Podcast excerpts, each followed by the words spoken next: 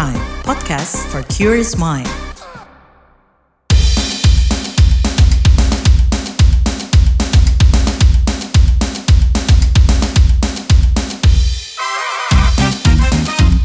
What's Trending KBR Pagi, siaran pagi radio paling update.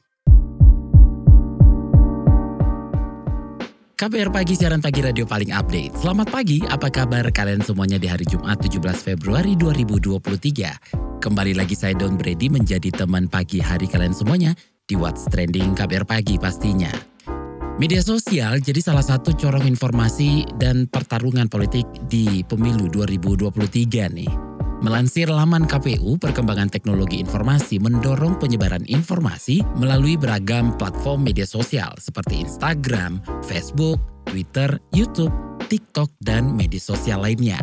Karenanya, media sosial dianggap uh, mampu membuka ruang dialog yang memungkinkan terjadinya komunikasi interaktif dua arah antara penyelenggara dan kalayak secara luas namun KPU masih melihat adanya tantangan bagi penyelenggara pemilu untuk menyuguhkan informasi kepada halayak. Nah, peneliti Lembaga Riset Communication and Information Systems Security Research Center, CISREC, Ibnu Dwi Cahyo, menyebut pemilu 2024 sebagai pemilunya TikTok.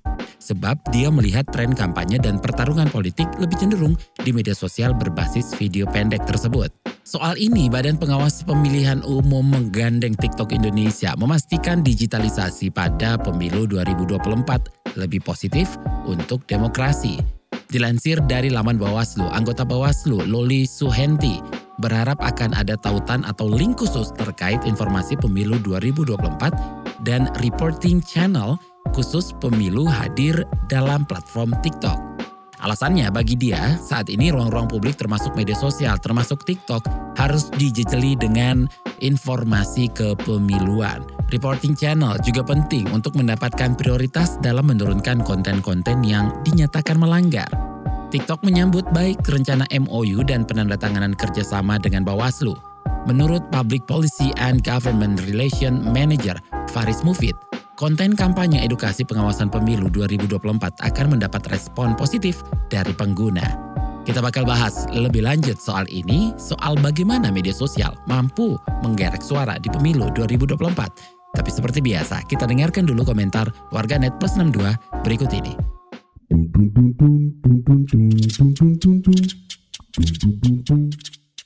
Kita ke komentar at Hera XX. Selamat pagi pemilik 60% hak suara pemilu 2024 pemilih pemula yang sudah muak dengan polarisasi SARA.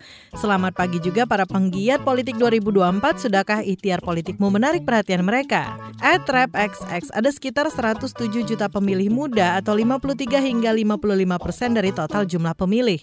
At Berdi XX, merebut hati pemilih muda di pemilu 2024. Lalu komentar at Lonely XX, tapi kayaknya banyak yang milih untuk nggak milih deh. At APRXX, besok aja deh kita lihat tapi sulitnya anak muda pemilih rasional. Komentar at KPU underscore ID, teman pemilih kamu perlu tahu konten medsos seperti apa sih yang disukai oleh anak muda. Dan gimana calon pemilih pemula merespon konten kepemiluan di medsos. At Amelia XX, medsos bentukan Bawaslu ditargetkan untuk mencegah polarisasi pemilu 2024. Dan terakhir komentar at Hasan XX, satu tahun menjelang pemilu siap-siap medsos isinya perang isu. Dunia nyata di jalan isinya konvoi knalpot rusak.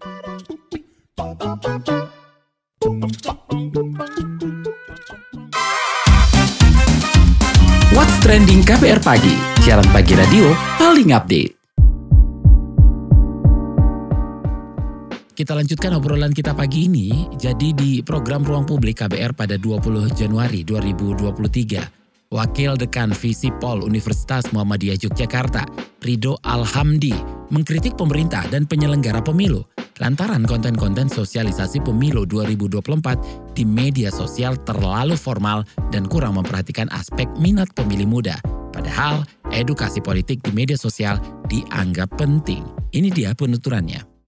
Kita perlu memahami seandainya platform-platform media sosial itu menjadi menjadi media bagi kita itu untuk mensosialisasikan atau mengkampanyekan apakah itu melalui TikTok, apakah itu melalui IG, tetapi dengan konten yang itu memang sesuai dengan algoritma mereka. Nah, saya kira uh, KPU, Bawaslu itu harus mempunyai metadata ini memahami algoritma anak muda sehingga konten yang diberikan itu sesuai. Coba kalau kita lihat IG-nya KPU Bawaslu ini kan sifatnya kesannya kan terlalu formal, foto-foto apa ya anak muda ya malas aja sih ngelihat hmm. informasi yang yang sifatnya seperti itu. Tapi coba seandainya kontennya itu lebih menarik, apakah dibuat semacam satu menit dua menit video-video singkat aja yang itu mengajak youtuber atau mereka-mereka yang dikenal oleh anak muda dunia seperti itu dunia politik. Nah itu penyelenggara di samping juga kampus dan NGO yang juga terkait. Yang juga lebih penting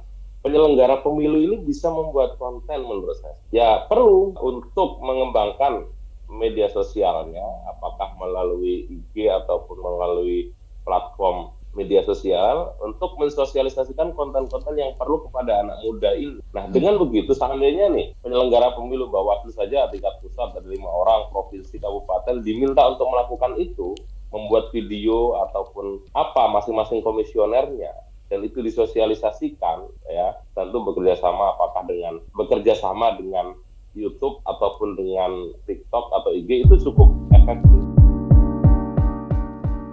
Nah menanggapi kritik dan masukan ini anggota Badan Pengawas Pemilihan Umum Bawaslu Totok Haryono mengakui konten-konten dari lembaganya masih terlalu formal atau kaku. Dirinya berjanji ke depannya Bawaslu akan membuat konten-konten yang lebih membumi dan disukai oleh orang-orang muda ini dia pernyataannya dari anggota Bawaslu Totok Haryono.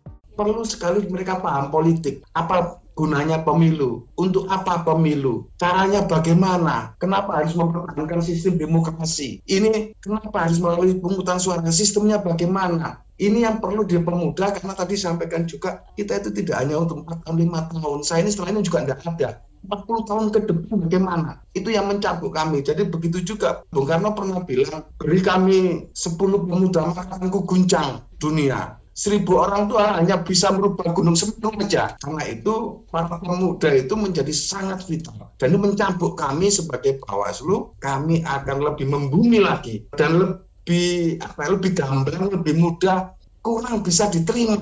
Kita ini punya sekitar 23 ribu tenaga dan ada sekitar 40 ribu. Kalau 40 ribu ini digerakkan punya konten-konten yang membumi, pemuda ngomong soal pemilu tapi tidak kaku gitu ya. Ngomong soal sistem demokrasi memang lebih baik dari sistem yang lainnya minimal sudah di-share oleh 40 ribu tenaga kami, tentu itu bisa lebih membumi. Karena itu memang sangat penting kita tidak hanya hidup di tahun ini, tapi 40 tahun ke depan.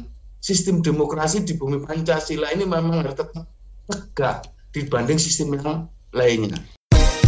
Newsbeat.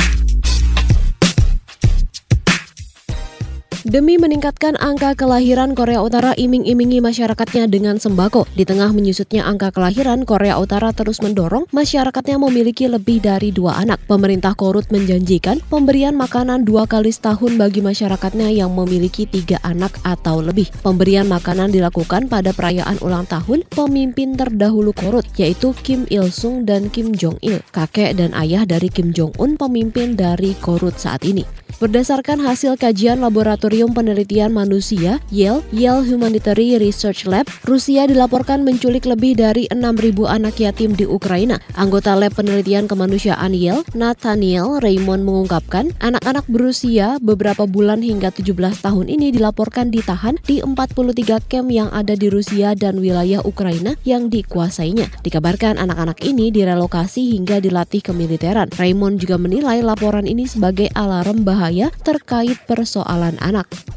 Member boyband Korea Selatan Kai EXO akan merilis album baru pada Maret 2023. Rencana itu telah dikonfirmasi oleh SM Entertainment selaku agensi yang menaunginya. SM mengabarkan pria bernama asli Kim Jong In ini sedang mengejakan proyek solonya. Meski begitu, SM belum memberikan detail lebih lengkap soal tanggal perilisan, konsep serta detail lagu. Ini adalah kali kedua Kai menelurkan proyek solo. Setelah dua tahun lalu dirinya sukses dengan lagu Peaches.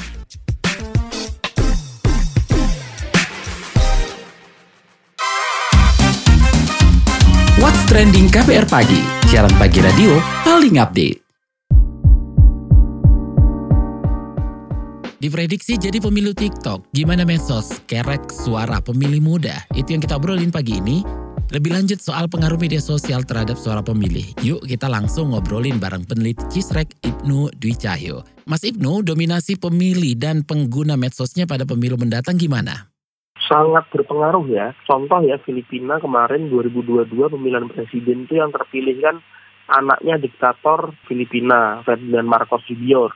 Dia kepilih karena konten-kontennya dia kampanyenya di TikTok. Nah, demografinya Indonesia dan Filipina dan kegemaran soal TikTok itu mirip. Itu kenapa kita lihat sekarang pertarungannya itu di media sosial itu nanti akan banyak di TikTok seperti itu. Akan sedikit bergeser kalau bukan di Facebook, di Instagram, di YouTube itu masih, tapi nanti akan sangat sangat sangat dominan nanti akan pertarungannya itu ada di TikTok. Sebuah isu ya yang dilempar ke ke masyarakat lewat media online entah lewat media sosial itu ternyata engagementnya, engagement itu ya kita kayak bahas-bahasan komen, like segala macam itu, itu nggak selalu berbanding lurus dengan read yang namanya paling banyak disebut. Jadi itu berpengaruh. Artinya nanti tokoh-tokoh politik itu mereka akan berusaha mempengaruhi psikologis masyarakat paling mudah, paling murah, paling tepat itu lewat media sosial dan lewat pemberitaan-pemberitaan online yang bisa dilempar ke media sosial. Nah, jadi trennya itu sekarang adalah media sosial atau digital apa pun platformnya itu dia bisa mendrive pemberitaan, bisa mendrive pemberitaan, dia bisa mendrive psikologis masyarakat, tidak hanya satu dua kelompok ya, tapi dia bisa mendrive isu itu secara uh, nasional. Kalau kita lihat sekarang beberapa tokoh yang memang dia punya peluang untuk jadi capres cawapres itu sekarang perjuangannya luar biasa di, di TikTok misalnya itu kelihatan itu mereka jor-joran sekali Erick Thohir misalnya Ganjar kalau ditanya apakah media sosial media online platform-platform sejenisnya itu berpengaruh itu sangat-sangat berpengaruh Nah, seberapa efektif media sosial menggait pemilih, terutama pemilih muda? Bisa banget. Cuman yang jadi masalah ini kan bagaimana mengikat milenial ini agar benar-benar loyal terhadap si partai, loyal terhadap si tokoh politik ini, atau si capres, atau si caleg ini. Nah ini kan beda-beda tiap daerah beda. Jadi ya misalnya deh kalau kita di, di Jakarta untuk untuk mereka menggait milenial, misalnya mereka buat event-event kayak futsal, atau mereka buat event apa musik, atau mereka buat kegiatan-kegiatan yang melibatkan teman-teman milenial itu lalu lalu diupload segala macam. Nah, Nah, mungkin kalau di daerah mungkin nanti beda lagi, di daerah mungkin dengan kegiatan-kegiatan beasiswa, pelatihan yang memberikan kesempatan pekerjaan, wirausaha, ini beda-beda. Ya, jadi yang ditawarkan itu strateginya itu beda-beda tiap tiap lokasi, tiap daerah itu memang sangat berbeda. Jadi ya ter tergantung nanti strateginya tiap tokoh ini nanti bagaimana. Tetapi milenial itu prinsipnya adalah kurang lebih sama dengan generasi lainnya. Yang paling banyak mereka lihat di timeline itu nanti yang masuk top of mind mereka. Itu yang nanti akan dikonsider oleh mereka untuk dipilih kalau orang-orang yang nggak pernah muncul di timeline mereka itu nggak akan mereka pilih, nggak akan mereka pilih. Jadi yang dilakukan politisi itu bagaimana yang pertama itu ya udah mereka harus muncul dulu, harus dikenal dulu. Yang penting masyarakat kenal dulu, entah nanti ada yang buat meme-nya agak mengkritik atau agak menghina gitu. Yang penting muncul dulu ya. Nanti waktu mau pemilihan bagaimana setelah dikenal itu masyarakat bagaimana lah nanti dengan strategi-strategi para politisi ini mau memilih mereka. Yang penting dikenal. Ya jadi yang penting itu popularitas dulu pertama baru nanti mereka switch bagaimana popularitas itu bisa jadi elektabilitas Oke, bagaimana pemuda pengguna medsos mesti menyikapi situasi politik yang terrefleksi pada media sosial? Jadi begini, sebenarnya teman-teman milenial ini, pemilih muda, dia juga ingin ada satu hal yang ingin mereka dengarkan itu namanya adalah solusi.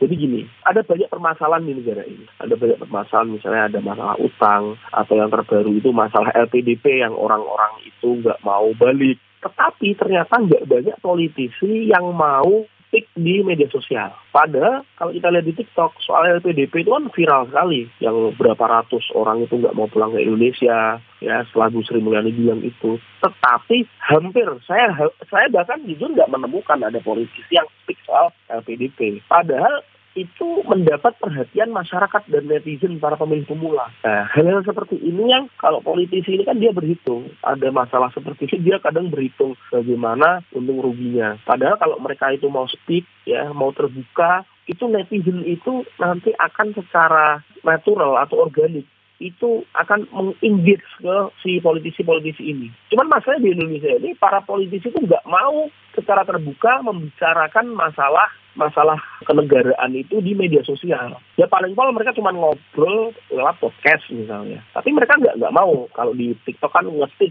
video misalnya ada videonya Bu Sri Mulyani bilang ada 400 sekian ratusan menerima beasiswa LPDP nggak mau kembali tanah air. Kalau politisi yang berani ya bagus gitu dia nge saja komen apa segala macam itu nanti ada tukar pikiran ya udah nanti kalau mereka banyak ber, berinteraksi dengan netizen, nama mereka akan naik sendiri kok. Hal-hal seperti ini yang saya rasa saya lihat di, di para politisi kita itu kurang ya. Entah takut nanti jadi polemik segala macam. Nah, literasi digital pemilih muda sejauh ini seperti apa dan pentingkah bagi mereka untuk mengenali hoax, provokasi, atau kampanye hitam di media sosial? Jadi kalau kalau literasi digital ini kan sebenarnya ini tugas negara literasi digital itu harusnya bisa dimulai masuk ke kurikulum pendidikan entah dia sejak SMP sejak SMA ataupun ada di mata kuliah di, di perkuliahan. Tetapi ini kan selama ini nggak ada. Kalau masyarakat tiba-tiba melanggar undang-undang ITE langsung diblusin penjara. Padahal kita nggak pernah dikasih tahu gitu sejak pendidikan atau di wanita ada arisan, ada sosialisasi undang-undang ITE, undang-undang PDP itu kan nggak ada sama sekali. Ini yang sebenarnya akar masalah utamanya itu di sini negara tidak pernah mengedukasi masyarakatnya. Jadi masyarakat masuk ke hutan belantara digital itu nggak punya bekal gitu. Sehingga ya udah dikena salah kena salah ini itu ya habis dia. Terkait ini memang kami di TISA juga selalu mendorong agar ya udah dong keamanan cyber literasi digital itu harus masuk ke kurikulum pendidikan sejak dini. Kalau SD nggak bisa ya udah SMP saja lah ya mungkin kita kasih tahu apa yang boleh nggak boleh apa di internet itu apa. Bahkan kita harus dorong kegiatan apa saja sih kegiatan positif yang bisa dilakukan di dunia maya. Nah, ini kan nggak ada selama ini. Kalau ini nanti diadakan oleh negara, kurikulum pendidikan, ini pasti akan e, mengurangi masyarakat yang terkena hoax kita juga diajari nggak boleh clicking sembarangan itu phishing dari penipu. Kalau kita diajari sejak dini, sejak SMP misalnya, kita nggak akan ketipu kok gitu karena di sekolah sudah diajari gitu. Atau di, di arisan ibu-ibu RT RW itu disampaikan bu nggak boleh nih di klik kalau ada SMS, email, WA, Telegram dari orang yang tidak dikenal. Ini negara belum belum belum belum hadir di di, di masyarakat soal uh, mengedukasi langsung terkait keamanan cyber, apa yang boleh nggak boleh dilakukan di internet. Terima kasih peneliti Lembaga Riset Communication and Information System Security Research Center atau CISREC, Ibnu Dwi Cahyo.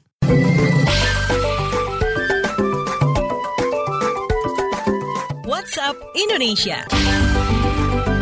WhatsApp Indonesia dimulai dari Jakarta. Pemerintah dan DPR menyepakati ongkos perjalanan haji 2023 yang harus dibayar calon jemaah haji sebesar 49,8 juta rupiah. Biaya tersebut meliputi biaya penerbangan, biaya hidup atau living cost, dan sebagai biaya paket layanan masyair atau biaya prosesi ibadah haji selama di Arafah, Minah, dan Musdalifah selama 4 hari. Ketua Panitia Kerja Haji di Komisi 8 DPR Marwan Dasopang mengatakan, rata-rata biaya penyelenggaraan ibadah haji atau BPIH tahun 1444 Hijriah atau 2023 Masehi per jemaah haji reguler sebesar 90 juta rupiah. Sedangkan biaya yang bersumber dari nilai manfaat keuangan haji rata-rata per jemaah sebesar 40,2 juta rupiah atau sebesar 44,7 persen. Dengan demikian keseluruhan nilai manfaat dana haji yang digunakan sebesar 8 triliun rupiah.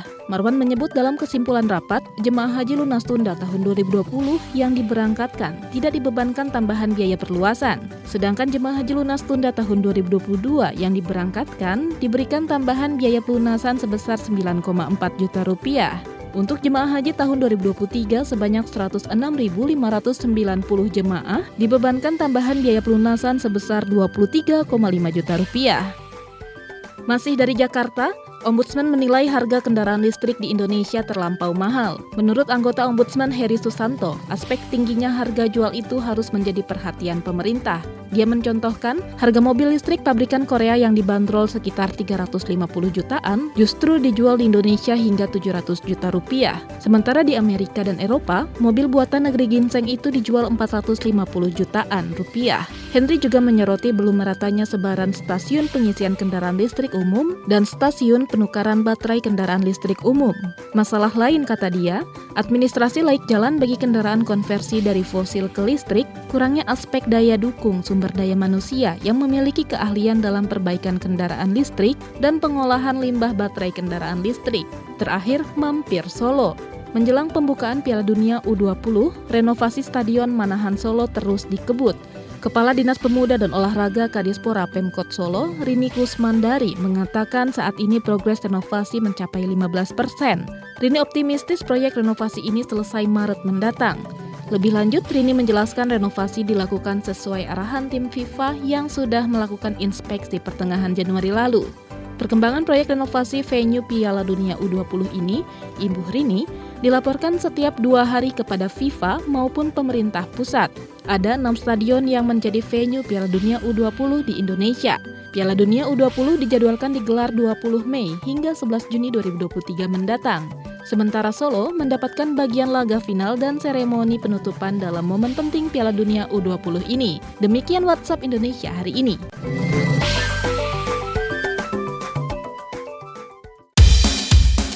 Kasih ya sudah mendengarkan What's Trending KBR Pagi. Jangan lupa dengerin terus podcast What's Trending di kbrprime.id dan di aplikasi mendengarkan podcast lainnya. Dan Brady pamit. Have a nice day. Have a nice weekend. Stay safe. Bye-bye.